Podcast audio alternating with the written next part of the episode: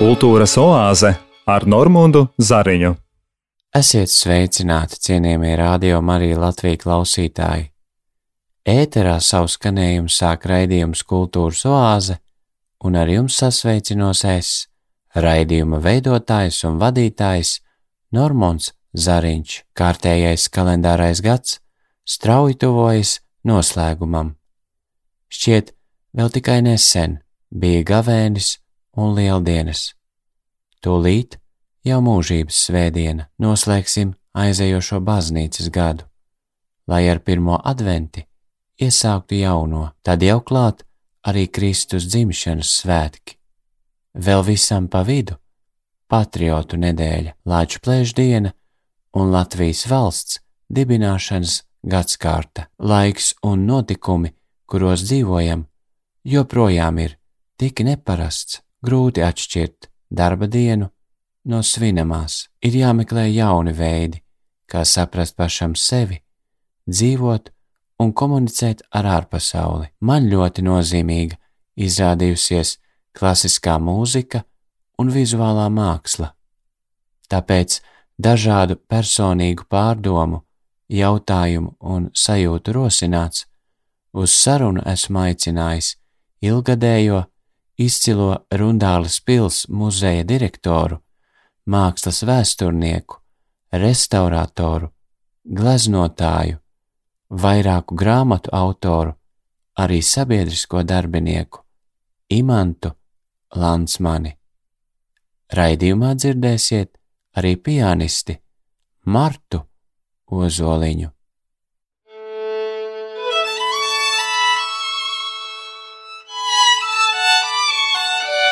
Kultūras oāze Reiz kādā personāla izstādes atklāšanā akadēmiķis Jānis Stradiņš izteicies, ka Imanta Lansmaņa vārdu visbiežāk saista ar darbu Rundāles pilī.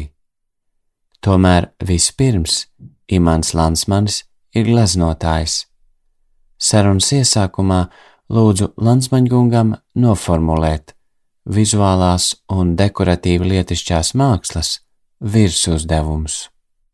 Nu, pirmkārt, jau būtu jārunā ne tikai par virsmu uzdevumu, bet arī par pašu uzdevumu un vispār par pašu mākslas būtību. Jo turpat nevar runāt par uzdevumu. Es gribēju teikt, ka viss ir šajā pasaulē tā izveidots, ka bez tās uztveres daudzveidības, kas nodrošina eh, tādas eh, fiziskās pasaules saistību ar cilvēku garīgo dzīvi, tieši māksla ir absolūti nepieciešams starpnieks. Un ka pretējā gadījumā droši vien cilvēks būtu tikai viena fizioloģiska būtne, tāda dzīvnieka līmenī, ja viņam nebūtu viss tā milzīgā pasaules vidutājs starp to, ko viņš ierauga, un to, kā viņš to pārstrādā savā galvā, un tā ir šī māksla. Un eh, pie tam ir ārkārtīgi daudzveidīga funkcija, jo tā varētu pirmā brīdī domāt, īpaši iet runa par dekoratīvo mākslu, tā ir rotāšana. Cilvēks pats grib būt skaists. Viņš grib izrotāt savu miteklu un darīt līdz tos priekšmetus, ar kuriem viņš strādā. Bet patiesībā tas kaut kas ir daudz vairāk. Tā ir vesela milzīga sistēma, ar ko cilvēks sevi bezgala bagātina. Jo māksla jau pirmkārt nevarētu rasties tādā gadījumā, ja tā būtu tikai attēlošanas forma. Lieta ir tāda, ka tātad cilvēkam pa priekšu bija jāredz kāds saulrietis vai, vai, vai pretējais. Tas, kā saule lec, viņiem bija jāredz kāda skaista kalna ainava. Viņiem bija jābrīnās par rozi, cik viņi var būt apbrīnojami. Un tas jau ir tas, kas izraisa pēc tam arī to tālāko procesu. Tad cilvēks apzinās skaistumu jēdzienu.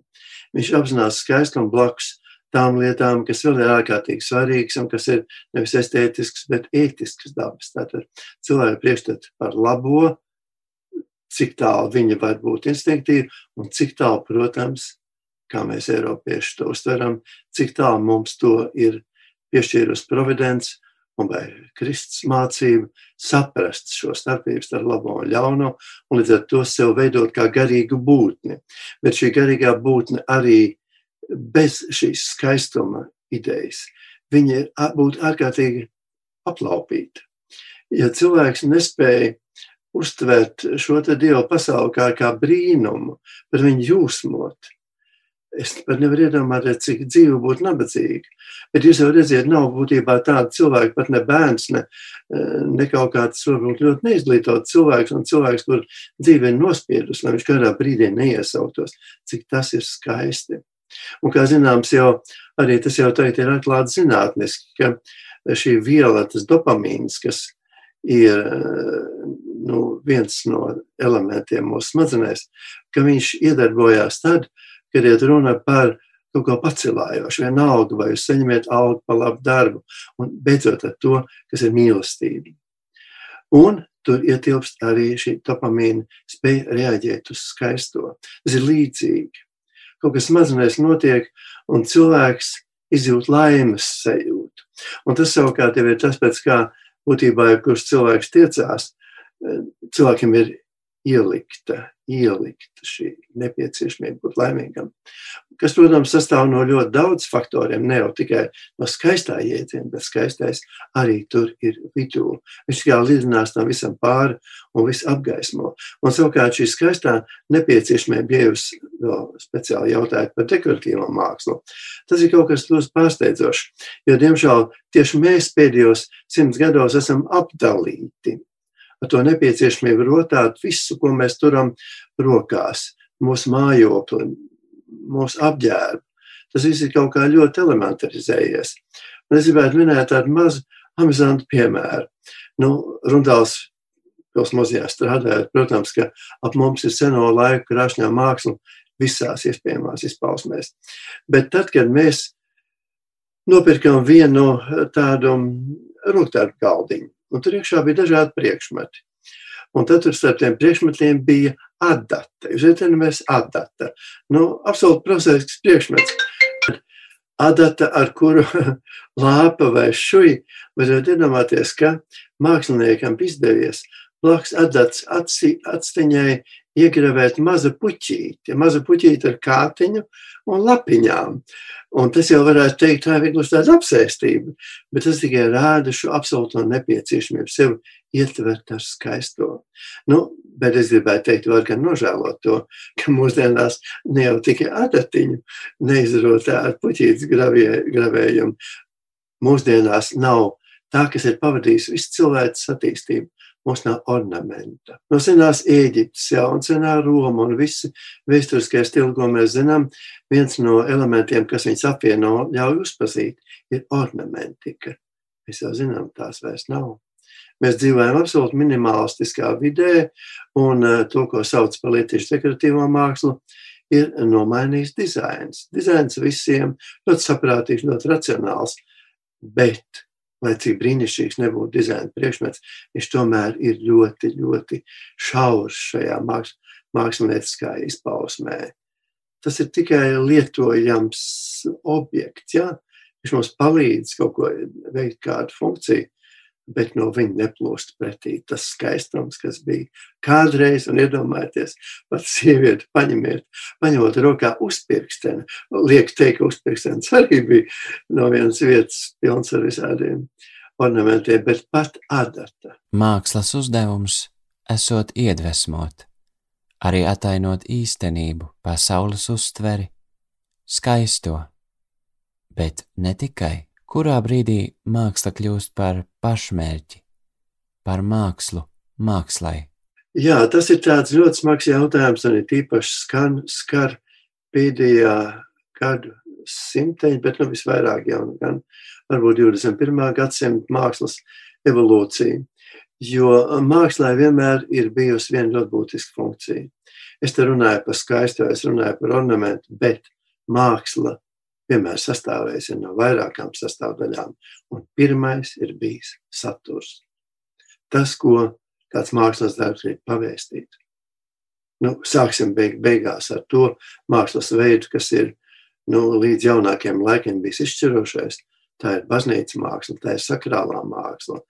Eh, tās ir lietas, kas grib cilvēkiem pietuvināt Bībeli, kas grib viņos izraisīt pārdzīvojumu. Eh, vienalga, vai tas ir mm, līdzjūtība, vai tā ir sajūsma, vai tā ir histērija, vai tas ir šausmas, bet tās ir emocijas. Un mākslas forma ir jau sekundāra. Šī mākslas forma ir caur gadsimtiem mainījusies un ārkārtīgi dažāda, bet vienmēr viņas uzdevums tomēr ir bijis atbilstoši tā laika cilvēku izjūtēm un izpratnē atsekt saturu, kas tur ir ielikts. Un tā nu ir iznācis, ka sākot jau ar 19. Eh, gadsimta beigām, māksla ir ļoti strauji uzsākusi tādu ļoti īpatnēju evolūcijas periodu. Mēs labi zinām to, kā vēsturisko stila māksla 19. gadsimta vidū saplūda tādā vienā eh, nu, iepriekšējo visu stilu atdarināšanas karnevālā. Un tas, ka mēs saucam par historismu vai arī par eklektismu, it kā tādā īsā brīdī gribēja izdzīvot viss, kas ir bijis pirms tam. Tur ir neogotika un neorokoko un neorenesans viss, bet jau tādā bīstami fabricētā veidā. Tāda ļoti apšaubām ideja, ka tagad mēs ar, ar mašīnām, ar visu brīnišķīgo jaunradīto industriju tagad piedāvāsim visai pasaulē to, kas kādreiz varēja būt pieejams tikai izredzētie bagātiem un aristokrātiem. Jā, un tas ļoti ātri noved pie tā, ka tas arī neder. Māksla nevar būt neradošs uh, mašīnu produkts. Un tas sākās ļoti interesanta evolūcija, ko ievada jau pirmkārt impresionisms, joprojām saglabājot ļoti augsts mākslas standarts, saglabājot augstu profesionālismu, bet vienkārši parādot, ka pasauli var ieraudzīt savādāk. Un tad nāk jau 20. gadsimta sākumā jūgens stils. Arī mēs joprojām redzam reālo dabu, bet reālo dabu ļoti nostilizētu. Mēs redzam cilvēkus, mēs redzam um, priekšmetus un dabu, kur ir ļoti stilizēti. Parādās jūgens stila ornaments, parādās tas ļoti vijošais un florālais, tāds izstēpītais, gan figūru, gan arī, pašu ornamentu attēlošanas veids. Un tad nāk nākošais. Jau pirms Pirmā pasaules kara jau spēja parādīties galēji nosacītība. Ir kubisms un ir jau abstrakcija. Ja vispirms pasaules kara jau Kandinskim izdodas jau paveikt kaut ko tādu, kas ir ļoti atzīstams. Jā, tas ir mūsdienās tā ir ikdiena, bet toreiz tas ir brīnums visu līdzinājās mākslas pieredzes vidū, pēkšņi pateikt, nē, es uzstāju vienu melnu kvadrātu vai baltu vai vienalga kādu, un tā būs māksla. Un lūk, šo brīdi ir tas, ko es jautāju, jā, kad māksla kļūst par mākslu, mākslai. Un tas ir tas brīdis. Tas notiek jau īsti pēc Pirmā pasaules kara, un viss, kas ir noticis pēc tam, un jau ir pagājuši simts gadi, ir bijuši tikai šīs pirmās formulas turpināšanas veids ar variantiem. Ļoti interesantiem variantiem, kombinācijām un, un viss, kas ir noticis šajos simts gados, bet kaut kādā mērā varētu teikt, ar šo brīdi māksla, vismaz daudzos gadījumos, kļuva par mākslu mākslā. Un, eh, protams, ka Kandinsks un arī vispārējie, kas nāca arī 20. gados, ar šo ideju. Tas ir ļoti interesanti un mākslas procesam, vienkārši cilvēku domāšanas attīstības procesam. Bet tas ir skaists ilustrācijas un rāda arī tādu cilvēku nu, mērā, uzdrošināšanos laust līdzinājos standarts un radīt to, ko var saukt par avangardu. Bet tajā pašā laikā es gribēju teikt vienu tādu atziņu, vismaz nu, man tā atziņa ir pilnīga, ka šis process pamazām ir sasniedzis kaut kādu strupceļu. Un uh, pagājušā gadsimta 60. gadi bija tāds ārkārtīgi spožs attīstības laiks, kur mēs zinām visādi ismi. Tur ir opārts un popārts, un tur parādās jau video māksla, kas tagad ir tik populāra, bet viņa jau toreiz bija. Nu, ar televizoru palīdzību jau to varēja uztaisīt.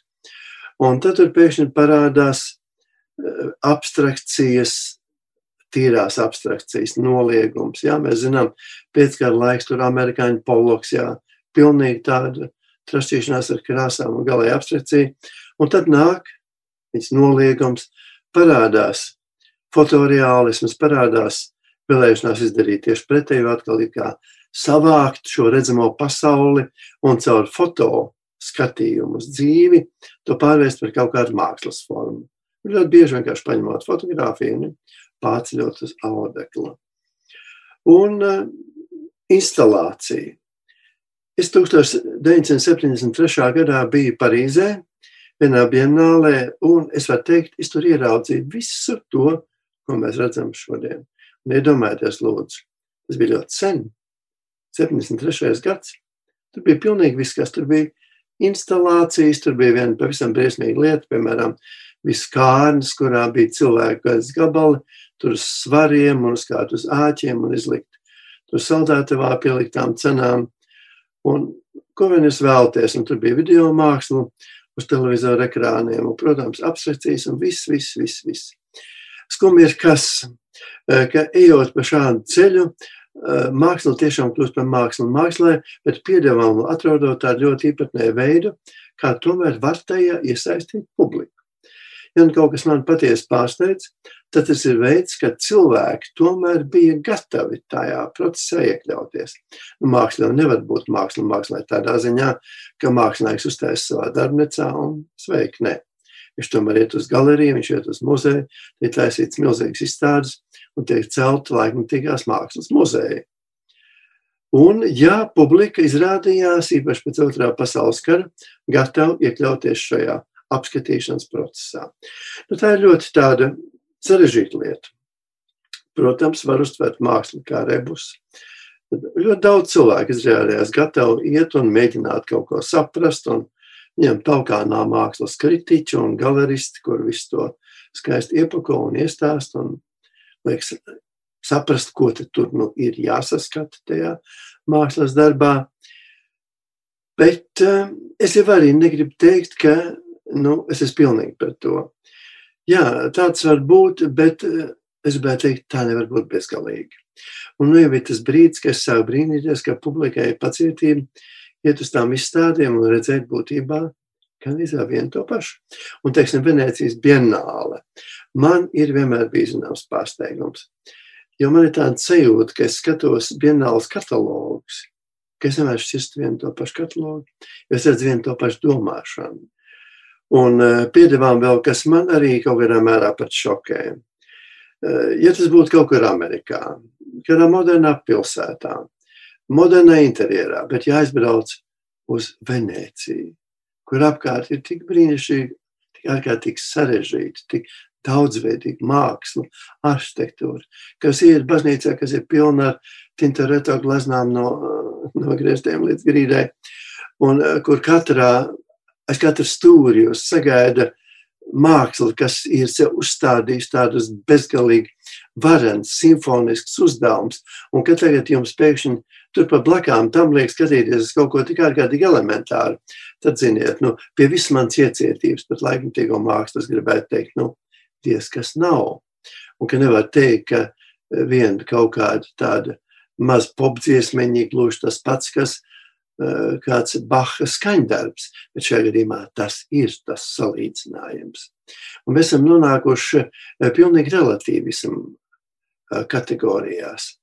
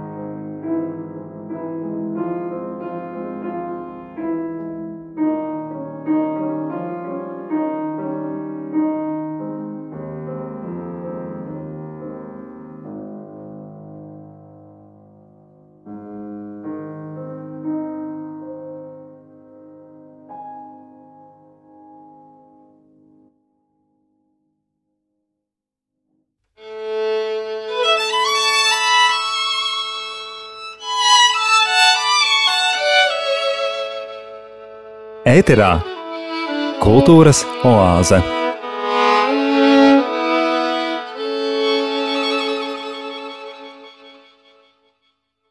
Nereti dižākie mākslas darbi rodas situācijās, kad citiem līdzekļiem mākslinieks vairs nespēja izteikt savu vajadzību vai pārdzīvojumu, kā priecīgu, tā skumju, kurā brīdī māksla kļūst par terapiju.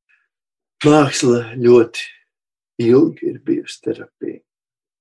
Es negribu teikt, ka viņa pilnīgi nebūtu terapija arī mūsdienās, jo beig, beigās, redziet, pastāv nejauši tas lielais, tas menstruīts, tā laikmatīgā māksla, tā kā tas ir, tur, tur abstrakcijas un video un, un instalācijas. Ir jau arī vēl blakus dažādas līnijas, kur māksla joprojām pastāv ar visu savu saturu un formu un spēja arī darbs, arī glezniecības darbs, kur es domāju, spēja pildīt to pašu lomu, ko senāk.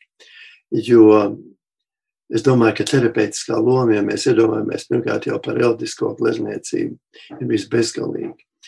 Tie cilvēki, kur patiešām dzīvoja kaut kur viduslaikos ļoti grūtos apstākļos, kur dzīve bija īsa, kur slimoja, kur agri mīra, kur ģimenē agri mīra bērni, un kuriem tik ļoti vajadzēja šo te tādu, nu, iedvesmošanos, kuriem vajadzēja redzēt kaut ko tādu skaistu, kas viņas pacilā, kas viņas ievērt kaut kādā tādā skaistā iedomā pasaulē. Protams, tas ir vārds, jā. tas ir, tas ir Dieva vārds, un, un bez kur es domāju vispār tāda senā Eiropa būtu vienkārši nonākusi galīgā izmisumā.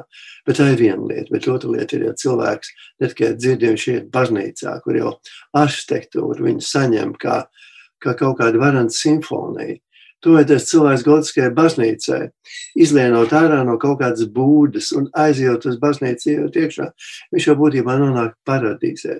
Terapija jau ir pat arhitektūra. Ne tikai tas, ka viņš pieiet pie altāra un ierauga vienu brīnišķīgu skaistu diamātu, kur uz viņu skatās. Viņš viņu uztver kā glābēju. Viņš pilnīgi izkūst viņas priekšā. Viņam tas ir kaut kas neiedomājams. Un ka viņš pieiet pie kaut kāda liela sarežģīta uh, poliptiha vai triptiha un, un apskata tur viens svētais, un tagad to, triptiha atkal tur pagriež uz otru pusi, un tur paverās atkal cits ainas, un viņš dzīvo tajā. Mums pat ir grūti iedomāties to pārdzīvojumu, kas bija toreiz. Arī mūsdienās cilvēki var egzaltēties mākslas darbu priekšā, bet iedomāties, ko tas nozīmē toreiz cilvēkam. Ļoti bieži bija nelaimīgs, satriekts. Un baznīcā viņš ieraudzīja to skaisto. Tā ir viena lieta. Un otra lieta, protams, ir ļoti, ļoti atšķirīga. Terapija tiem, kam bija nauda, kam bija vara, kas to baudīja savā pilīs. Bet ne jau tikai tie. Ņemsim kaut kādā pilnīgi normāli, kaut kādu tādu vidusmēra pilsoni, kaut kur 17, 18. gadsimtā. Kāpēc holandiešu glezniecība tā attīstījās? Un bija tādā līmenī.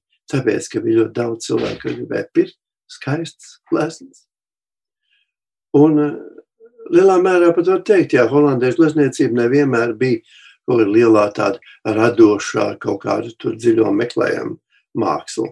Jā, Rembrandts, protams, jā, Vermērs van Delts, bet bija ļoti daudz cilvēku, kur vienkārši ražoja skaists ainavs, ražoja skaists klusās dabas, vai arī, protams, sižetisks darbs, kurus cilvēki lika pie sienas un uz viņiem skatījās, un ir tās laimīgi. Es jau teicu, jā, dopamīns ir arī attīstās cilvēks smadzenēs tajā brīdī, kad viņš skatās uz skaistu gleznu un noelsus. Ak, cik tas ir brīnišķīgi. Jā, tā ir tā terapija, tā ir reāla terapija. Un pēc tam, ko es gribēju teikt, viņi ir ne tikai tam, kas viņi bauda, šī terapija arī ir um, māksliniekam. Es minēšu vienu tādu jau pavisam personisku piemēru. Es ļoti uh, panes karstumu. Un tagad jau no Latvijā bija visu laiku absolūtais rekords, kuru es panesu relatīvi labi. Tieši tāpēc, ka es gleznoju. Ja man būtu bijis jādara kaut kas cits, kas man ļautu no tā vairāk saistīties ar to, kas ir apkārt, vai to darbs muzejā, vai kaut kāda grāmatu rakstīšana, es sauktu, ak, kungs, cik karsts, es esmu nosvīts, un es vispār neko negribu vairs. Bet strādājot pie, pie savas gleznas, Es nejūtu neko. Šī terapija man bija ne tikai terapija, tam bija anestēzija. Es nejūtu, ka man karsts ir. Lūk, tur redziet, ir daudz kas pateikts. Jā. Es domāju, tiešām mākslā ir šī apbrīnojamā loma. Un kaut nu viņa būtu arī turpmāk, lai tas nebūtu gluži tā, ka cilvēks aiziet uz laikmatīgās mākslas izstādi, un viņam ir ļoti grūti kontaktēties ar šo darbu. Ja? Es ļoti priecājos, ka cilvēki gatavi to darīt, un viņi izlasa to garo skaidrojumu, bez kura viņi vispār neko tur nesaprast. Un viņi gatavi iet arī šajā laikmatīgās mākslas pasaulē, pie ko tas rāda. Cilvēkam tas ir vajadzīgs. Un ne tikai skatīties seno laiku skaisto bildi, tā varētu teikt, kur viss uzreiz ir saprotams un kur var baudīt krāsas un skaistas formas un to ārkārtīgi realismu pakāpi, ar kādu tas viss ir izdarīts. Bet arī, ka mūsdienās jā, cilvēki ir gatavi iet uz ļoti sarežģītu mūsdienīgās mākslas izstādi un, un, un censties tajā iedziļināties un arī iziet ārā tomēr ar, ar pārdzīvojumu.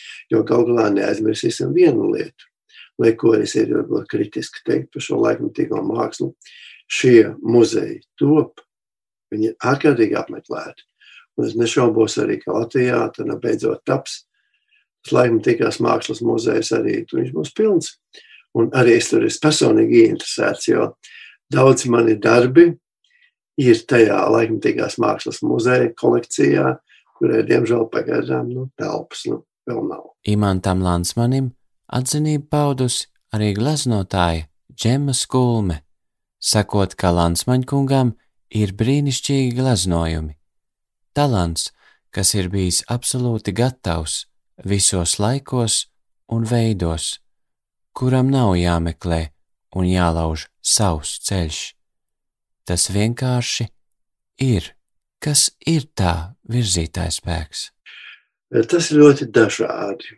Man jau galvenā sarežģītā lieta bija saistīta ar to, ka darbs muzejā jau ilgu laiku vispār man lika domāt, es nedrīkstu vairs atgriezties pie glezniecības, man tas ir jāupurē, šī misija ir pārāk nopietna, un šo 50 vairāk gadu laikā, kopš es muzejā Rundālē strādāju, ir bijuši periodi, kad es gadiem vispār nepieskāros otrai. Un tad, tad tas nāca pakāpeniski no sākumā bija, nu, ja tā varētu teikt, tāds vingrinājums, arī vēlēšanās just, ka es vēl kaut ko protu. Piemēram, viens no pirmajiem darbiem bija četru gadu laikā, tas bija 80. gados, saucās dāvana manai sievai, kurā es gleznoju pilnīgi tādā 17. gadsimta, gadsimta flāmu un holandiešu manierē ar, ar puķiem un ar tādā, tādā ārkārtīgi smalku izstrādājumu. Varbūt kā tāds, tāds treniņš. Un tad atkal ir lieta, kas man bija ļoti būtiska, un arī nāca jau 80, 90 gados, un tā ir vēsture. Tā ir lieta, kas man pavadīs visu mūžu. Es, nu, arī, protams, muzejā strādājot, tas jau ir blakām visu laiku. Notikumi, kas ir bijuši kādreiz, un kuros es grimis vēstures grāmatās patiesi dziļi, un piedāvām, kas man kā gleznotājam ir varbūt plus vai nav plus. Es to visu redzu. Es lasu vēstures grāmatu, un man viss, vissīkākajās detaļās tā kā filmā ir acis priekšā. Un līdz ar to parādījās vairākas tēmas, ko es vienkārši vēlējos atsekt. Es vēlējos parādīt citiem. Un tādā veidā ļoti interesanti bija tāds tri, četru glazņu cikls, kalētu klēts. Un um, četrās gleznās es parādu to, kā ap kaut kādu 830. gadu tiek likts viņai pamatakmens. Tad 914. gads, kad viņa ir tādā pilnziedā, tad ir kolhoz laiks, kur viņa ir pārbūvēta un brūk, un tad jau mūsdienas, kur viņa ir pilnīgi pārbūvēta, un es stāvu jau pilnīgi viens tāds jau nožēlojams mājas priekšā. Nu, Zinām, mērā tā didaktika tur parādās, bet kas man deva iespēju parādīt arī to laikmetu fonu un cilvēks apkārt. Un tad tur ieslēdzās viena lieta, kas man ir bijis vienmēr ļoti būtiska. Es nemeklēju, es neprātoju, ko tad es gleznošu, ko es darīšu. Tas vienmēr mans atnāk, ka kaut kas gatavs, kā tāds imperatīvs, man tas ir jātēlo. Un pēc tam nāca vēl tas, kas ir mana jau tiešām varbūt tāds programmātisks uzdevums, tā ir glezna, glezna sērija no astoņiem darbiem un saucās revolūcija un karš, neprecīzāk piektais bauslis, proti, tā nebūs nokaut, un apakšvirsraksts revolūcija un karš. Un otrs, kas man ir pēc tam ir nācis, jo man būtībā, kad es nemaz nav bijis kaut kāda pasūtījuma darbi, ja viens pats portrets, Un ībenajā veidā nāca tas, ko es vienmēr esmu gribējis darīt, un tā ir Bībeles tēma attēlošana. Un nāca tā, ka es vienmēr esmu domājis, ja es gribētu to darīt, bet, nu, ziniet, tas tā ļoti pretencios būs, kā nu tur. Mans mans ķēries tur pie tēmām, ko vecmēs te jau tik spīdoši ir parādījuši, nu, ko tu tur var jaunu attēlot. Jā, jā, nāca viena vien lauka draudz, kur, kur piedāvāja glaznot tautāju glaznu. Viņš nāca tā, ka viņiem īsti tas mans kristus traktējums nepatika. Tas kļuva par gleznu, bet tas ir atļauj, atrauj vaļās lūžas. Un es sapratu, ka es varu, ka es drīkstu, un pat es gribu to darīt. Un ka man ir ko pateikt arī, un ka tā nav, ka mēs būtu absolūti savaņģot ar kaut kādu vecmeistaru glezniecības standartiem. Un ne jau vēl, mēs jau visi zinām Rozentāls. Viņš ņēma Kristu un ielika no latviskā vidē, un eh, vai, teiksim, kūga vai mieslēgs. Man ļoti patīk to, kādā veidā viņš Kristi nolicis blakām latviešu zemnieku ģimenītē. Un tas viss tik sirsnīgi un dabīgi, tur nav nekāda samākslotība. Līdz ar to es arī sapratu, ka man vienīgi tad ir jēga ķerties klāt šai tēmai, ja es nevis sacenšos tur ar Rembrandtu vai, vai Deiku vai, vai kādiem citiem dižgariem, attēlojot Kristu tajā vidē, kaut kur Jūdejā, tur Jeruzalem. Nē, Kristus jau ir vajadzīgs visiem, viņa vēsts ir universāla. Un Kristus arī baznīcā, Latviešu baznīcā ienāk kā savējais. Un tāpēc es pat pasvītrotā veidā rādīju augšām celšanos, kur Kristus ir tādā linu kraklā un pat apjosts ar lielvārds jostu, kur man viss pārmet, bet es gribēju parādīt, nu tādā galējā veidā to, ko es gribu pateikt, jā, Kristus kā viens no mums. Un pēc tam no tā izrietēja svētais vakarīdienas, un, jā, un arī man darba metode, ko es sapratu. Ne tikai Kristus, jā, atradās ārkārtīgi piemērots prototips, jā, tāds kluss cilvēks ar tādu iekšēju vērstu skatu, tāds nopietns. Un, jo, jo tur nevar būt tā, ka, nu, jebkur cilvēku paņem. Karavadžo savā laikā jau mērā tā kā šikojās. Viņš teica, jā, piemēram, es paņēmu vienu vispār vienu ielas meitu Nu, tas man liekas slikti. Ir jābūt atbilstībai starp to prototipu, modeli, ko jūs paņemiet, un to cildeno tēmu, ko es gribētu attēlot. Šeit man ļoti paveicās. Jā, cilvēks, kurš spēja nest šo Kristus tēlu, un pēc tam viņš, protams, arī e, bija Kristus svētajā vakarēdienā, un tur bija ļoti jauki. Visi apakstoļi bija kolēģi. Un viņa ar lielu prieku un aizrautību, bet tam lielu talantu. Viņa pārģērbās un pārtapa tiešām. Un, protams, grūtākais tipāšs jau ir jūda, un tas bija mūsu ļoti jaukais elektriķis, eh, kuram es pajautāju, vai viņš ir gatavs. Viņš jā, es gribu. Un viņš, jā, jā bija jūda.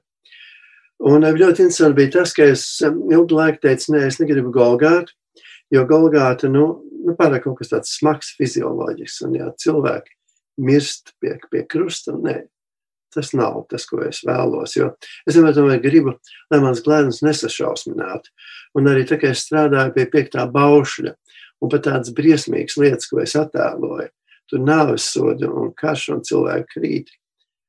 Tur neko nebija asins. Vienmēr tas ir tā nosacīti kā pastarpināti. Un parādot, ka karā ir vēl viena lieta ne tikai šausmīgais, ne tikai nāve, bet arī ka nāve cildena. Karš ir briesmīgs, jā, bet karš dod iespēju cilvēkam pārtapt, pārtapt pa varoni. Un bezgalīgi daudz cilvēku arī pārtapa. Visīkdienišākie cilvēku dzīvē varbūt bija nožēlojumi, vārguļi un bailuļi. Viņi kara laukā spēja kļūt par pilniem varoņiem. Un tas ir tas, ko es gribēju parādīt gan piektajā bauslī, un arī parādīt to savukārt, ka eh, visa Kristus leģenda un viss, kas notiek eh, lieldienu ciklā, jā, ka tas pirmkārt ir ļoti cilvēciski. Tur tā lieta. Mēs jau zinām, Kristus apstuļi, tad, kad Kristus sit krustā, viņa nebija viņam blakām. Viņi bija aizbēguši. Viens pats Jānis atradās blakus, jā, tajā brīdī, briesmīgajā brīdī. Pāriem bija jāgaida tas 50 dienas, lai svētais garš par, viņām, par viņiem izlietos, un tad viņi kļuva par apstuļiem, un mēs visi viņu abrīnojam. Pirms tam viņi nožēlojami ļēvuļi bija. Bet man tieši gribējās uh, parādīt to, ka pirmkārt, protams, viņi ir vakarēdienā, un tur ir viss kā ir jābūt, un visi ir kopā. Kristus saka tos vārdus, jā. Pirmkārt, viņš saka, ka viens no jums man ir nodevis, un viņš saka tos vārdus, jā, tā ir mana miesa, ņemiet un ēdiet, jā, un tās mans asins. Un es tev visu gribēju parādīt arī tā, kā tas bija toreiz. Jā, Kristus mācekļi nebija kaut kādi intelektuāļi un kaut kādi brīnum bērnu un varoņi. Jā, ļoti ikdienišķi cilvēki. Un es tāpēc arī gribēju, jā, paņemt normālus cilvēkus no dabas, jā, kuri iemieso šo te Kristus mācekļu tēmu. Jā, un kolēģi pārģērbās un, un pozēja un atkal fotografijas uh, pamata stap. Un tad es teicu nākošais, es teicu, nē, nu Golgāt es netaisīšu, un uh, tomēr man ļoti lielā mērā tas nāk pats no sevis. Pirmkārt jau arī pats vakarēdienas. Arī es nebiju domājis viņu taisīt, es viņu ieraudzīju pusnomodā. Es ieraudzīju jau gatavu gleznu. Eh, bet ar to Golgāru bija mazliet savādāk. Es teicu četras dienas pirms tam vienai žurnālistē intervijā, ka es negleznošu Golgātu, visu ko, bet ne to. Un tad es skatoties savukārt uz vakarīdienu, ko es jau gan biju pabeidzis, un esot tādā kā pusnaudas stāvoklī, sēžot pretī, es pēkšņi aptēru vienu lietu tā kā aina, kurā Golgāta nav priekšā, neredz ciešanas, nav izmisums, nav nāve. Viņa tur tā mierīgi un priekšā ir apstuļi. Es viņiem skatos svētajā vakarēdienā, un mēs jau ļoti labi zinām, ka viņi tur nebija. Bet es pēkšņi iedomājos, ka es viņus ņemu, bet viņi ir astrālā vidē, viņi ir blakām. Viņi klāt, un arī manā gleznā tā ir. Tur ir Golgāts aina, latviskā vidē, tur ir viss kā vajag, tur ir Jānis un Marija un Marija Magdalēna, bet arī apustuļi. Protams, jūda, jūda vairs nav, bet viņi tur ir un viņi ir savās pārdomās nogrimuši. Protams, pamatā viņi ir um, pārmetumi pilni, ka viņi var saņemties, aiziet tur, viņam bail bet viņi domā par to. Līdz ar to man glezna tāda varbūt kā nekad nav bijis, un kā varbūt arī teologi teiks, nu kā tā, nu mēs zinām, Kristus mācekļi tur nebija. Bet man viņi tādā veidā, viņi neskatās uz Golgāts grupu, un Kristus neskatās uz viņiem. Viņš skatās, kā tas ir ikonogrāfiski pareizi, viņš skatās uz labo ļaundari, un saka viņam tos vārdus, jā, patiešām šokar būs jau ar kopā ar mani paradīzē. Un eh, līdz ar to vēl piedāvājām latviešu garām gājēju, arī viens es tur esmu, kā viens no garām gājējiem sevis ieglaznojis, un tur ir mūsu grāmatvedi un priekšā mūsu restaurātori tādā latviskā sagā ietemsies. Un vēl piedāvājām ir latviskā daba.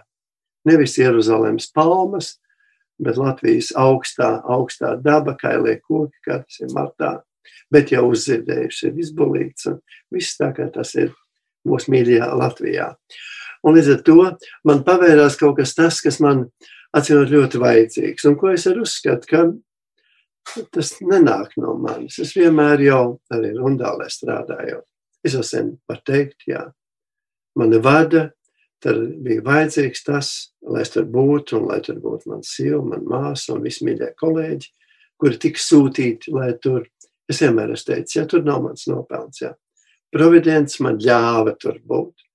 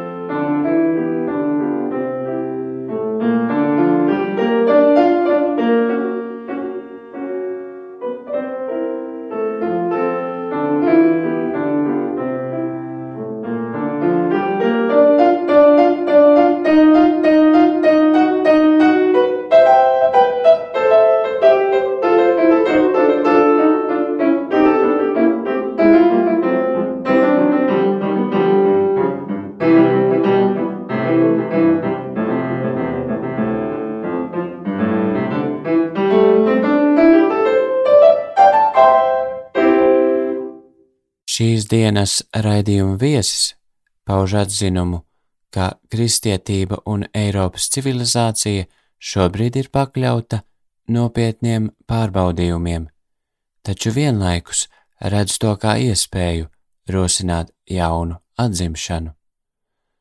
Attiecības ar Dievu Lansmaņkungam ir svarīgas, tāpēc sarunas noslēgumā vaicāju, kādā veidā vizuālā un dekoratīva lietišķā māksla ir klātesoša viņa personīgajās attiecībās ar Dievu. Man ir šīs situācijas, šīs attiecības ar Dievu tāds, kāds iespējams ir arī mūsdienās diezgan daudziem, jo tomēr es nu,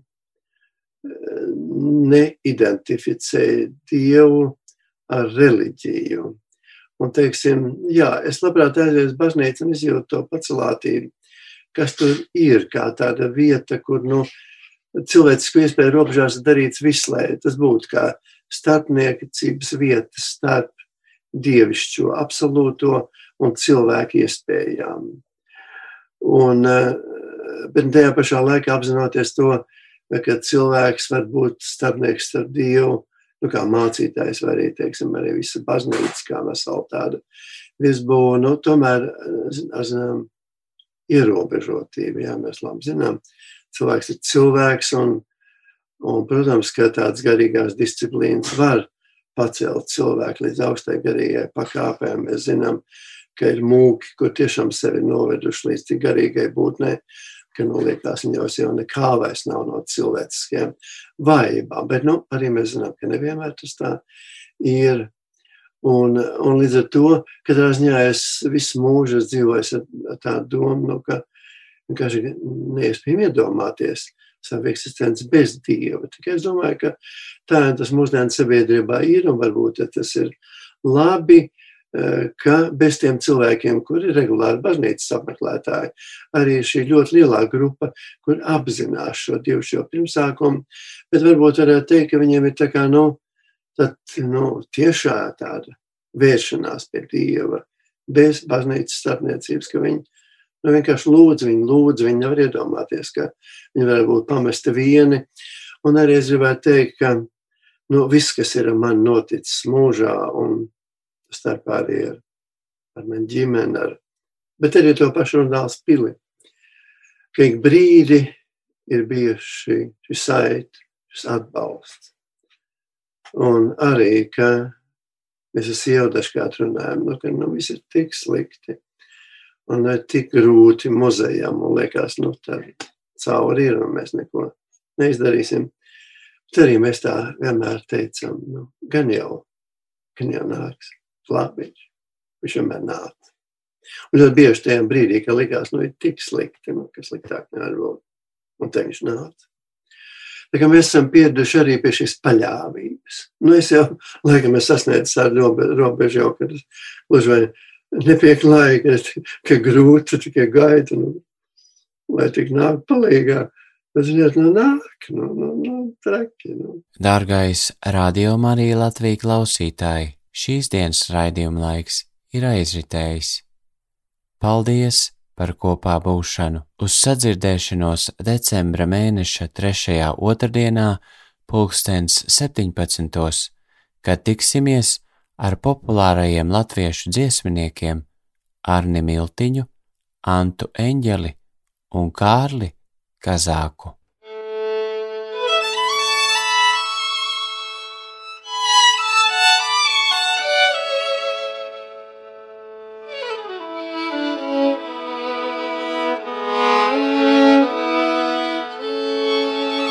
Izskanēja raidījums Kultūras oāze.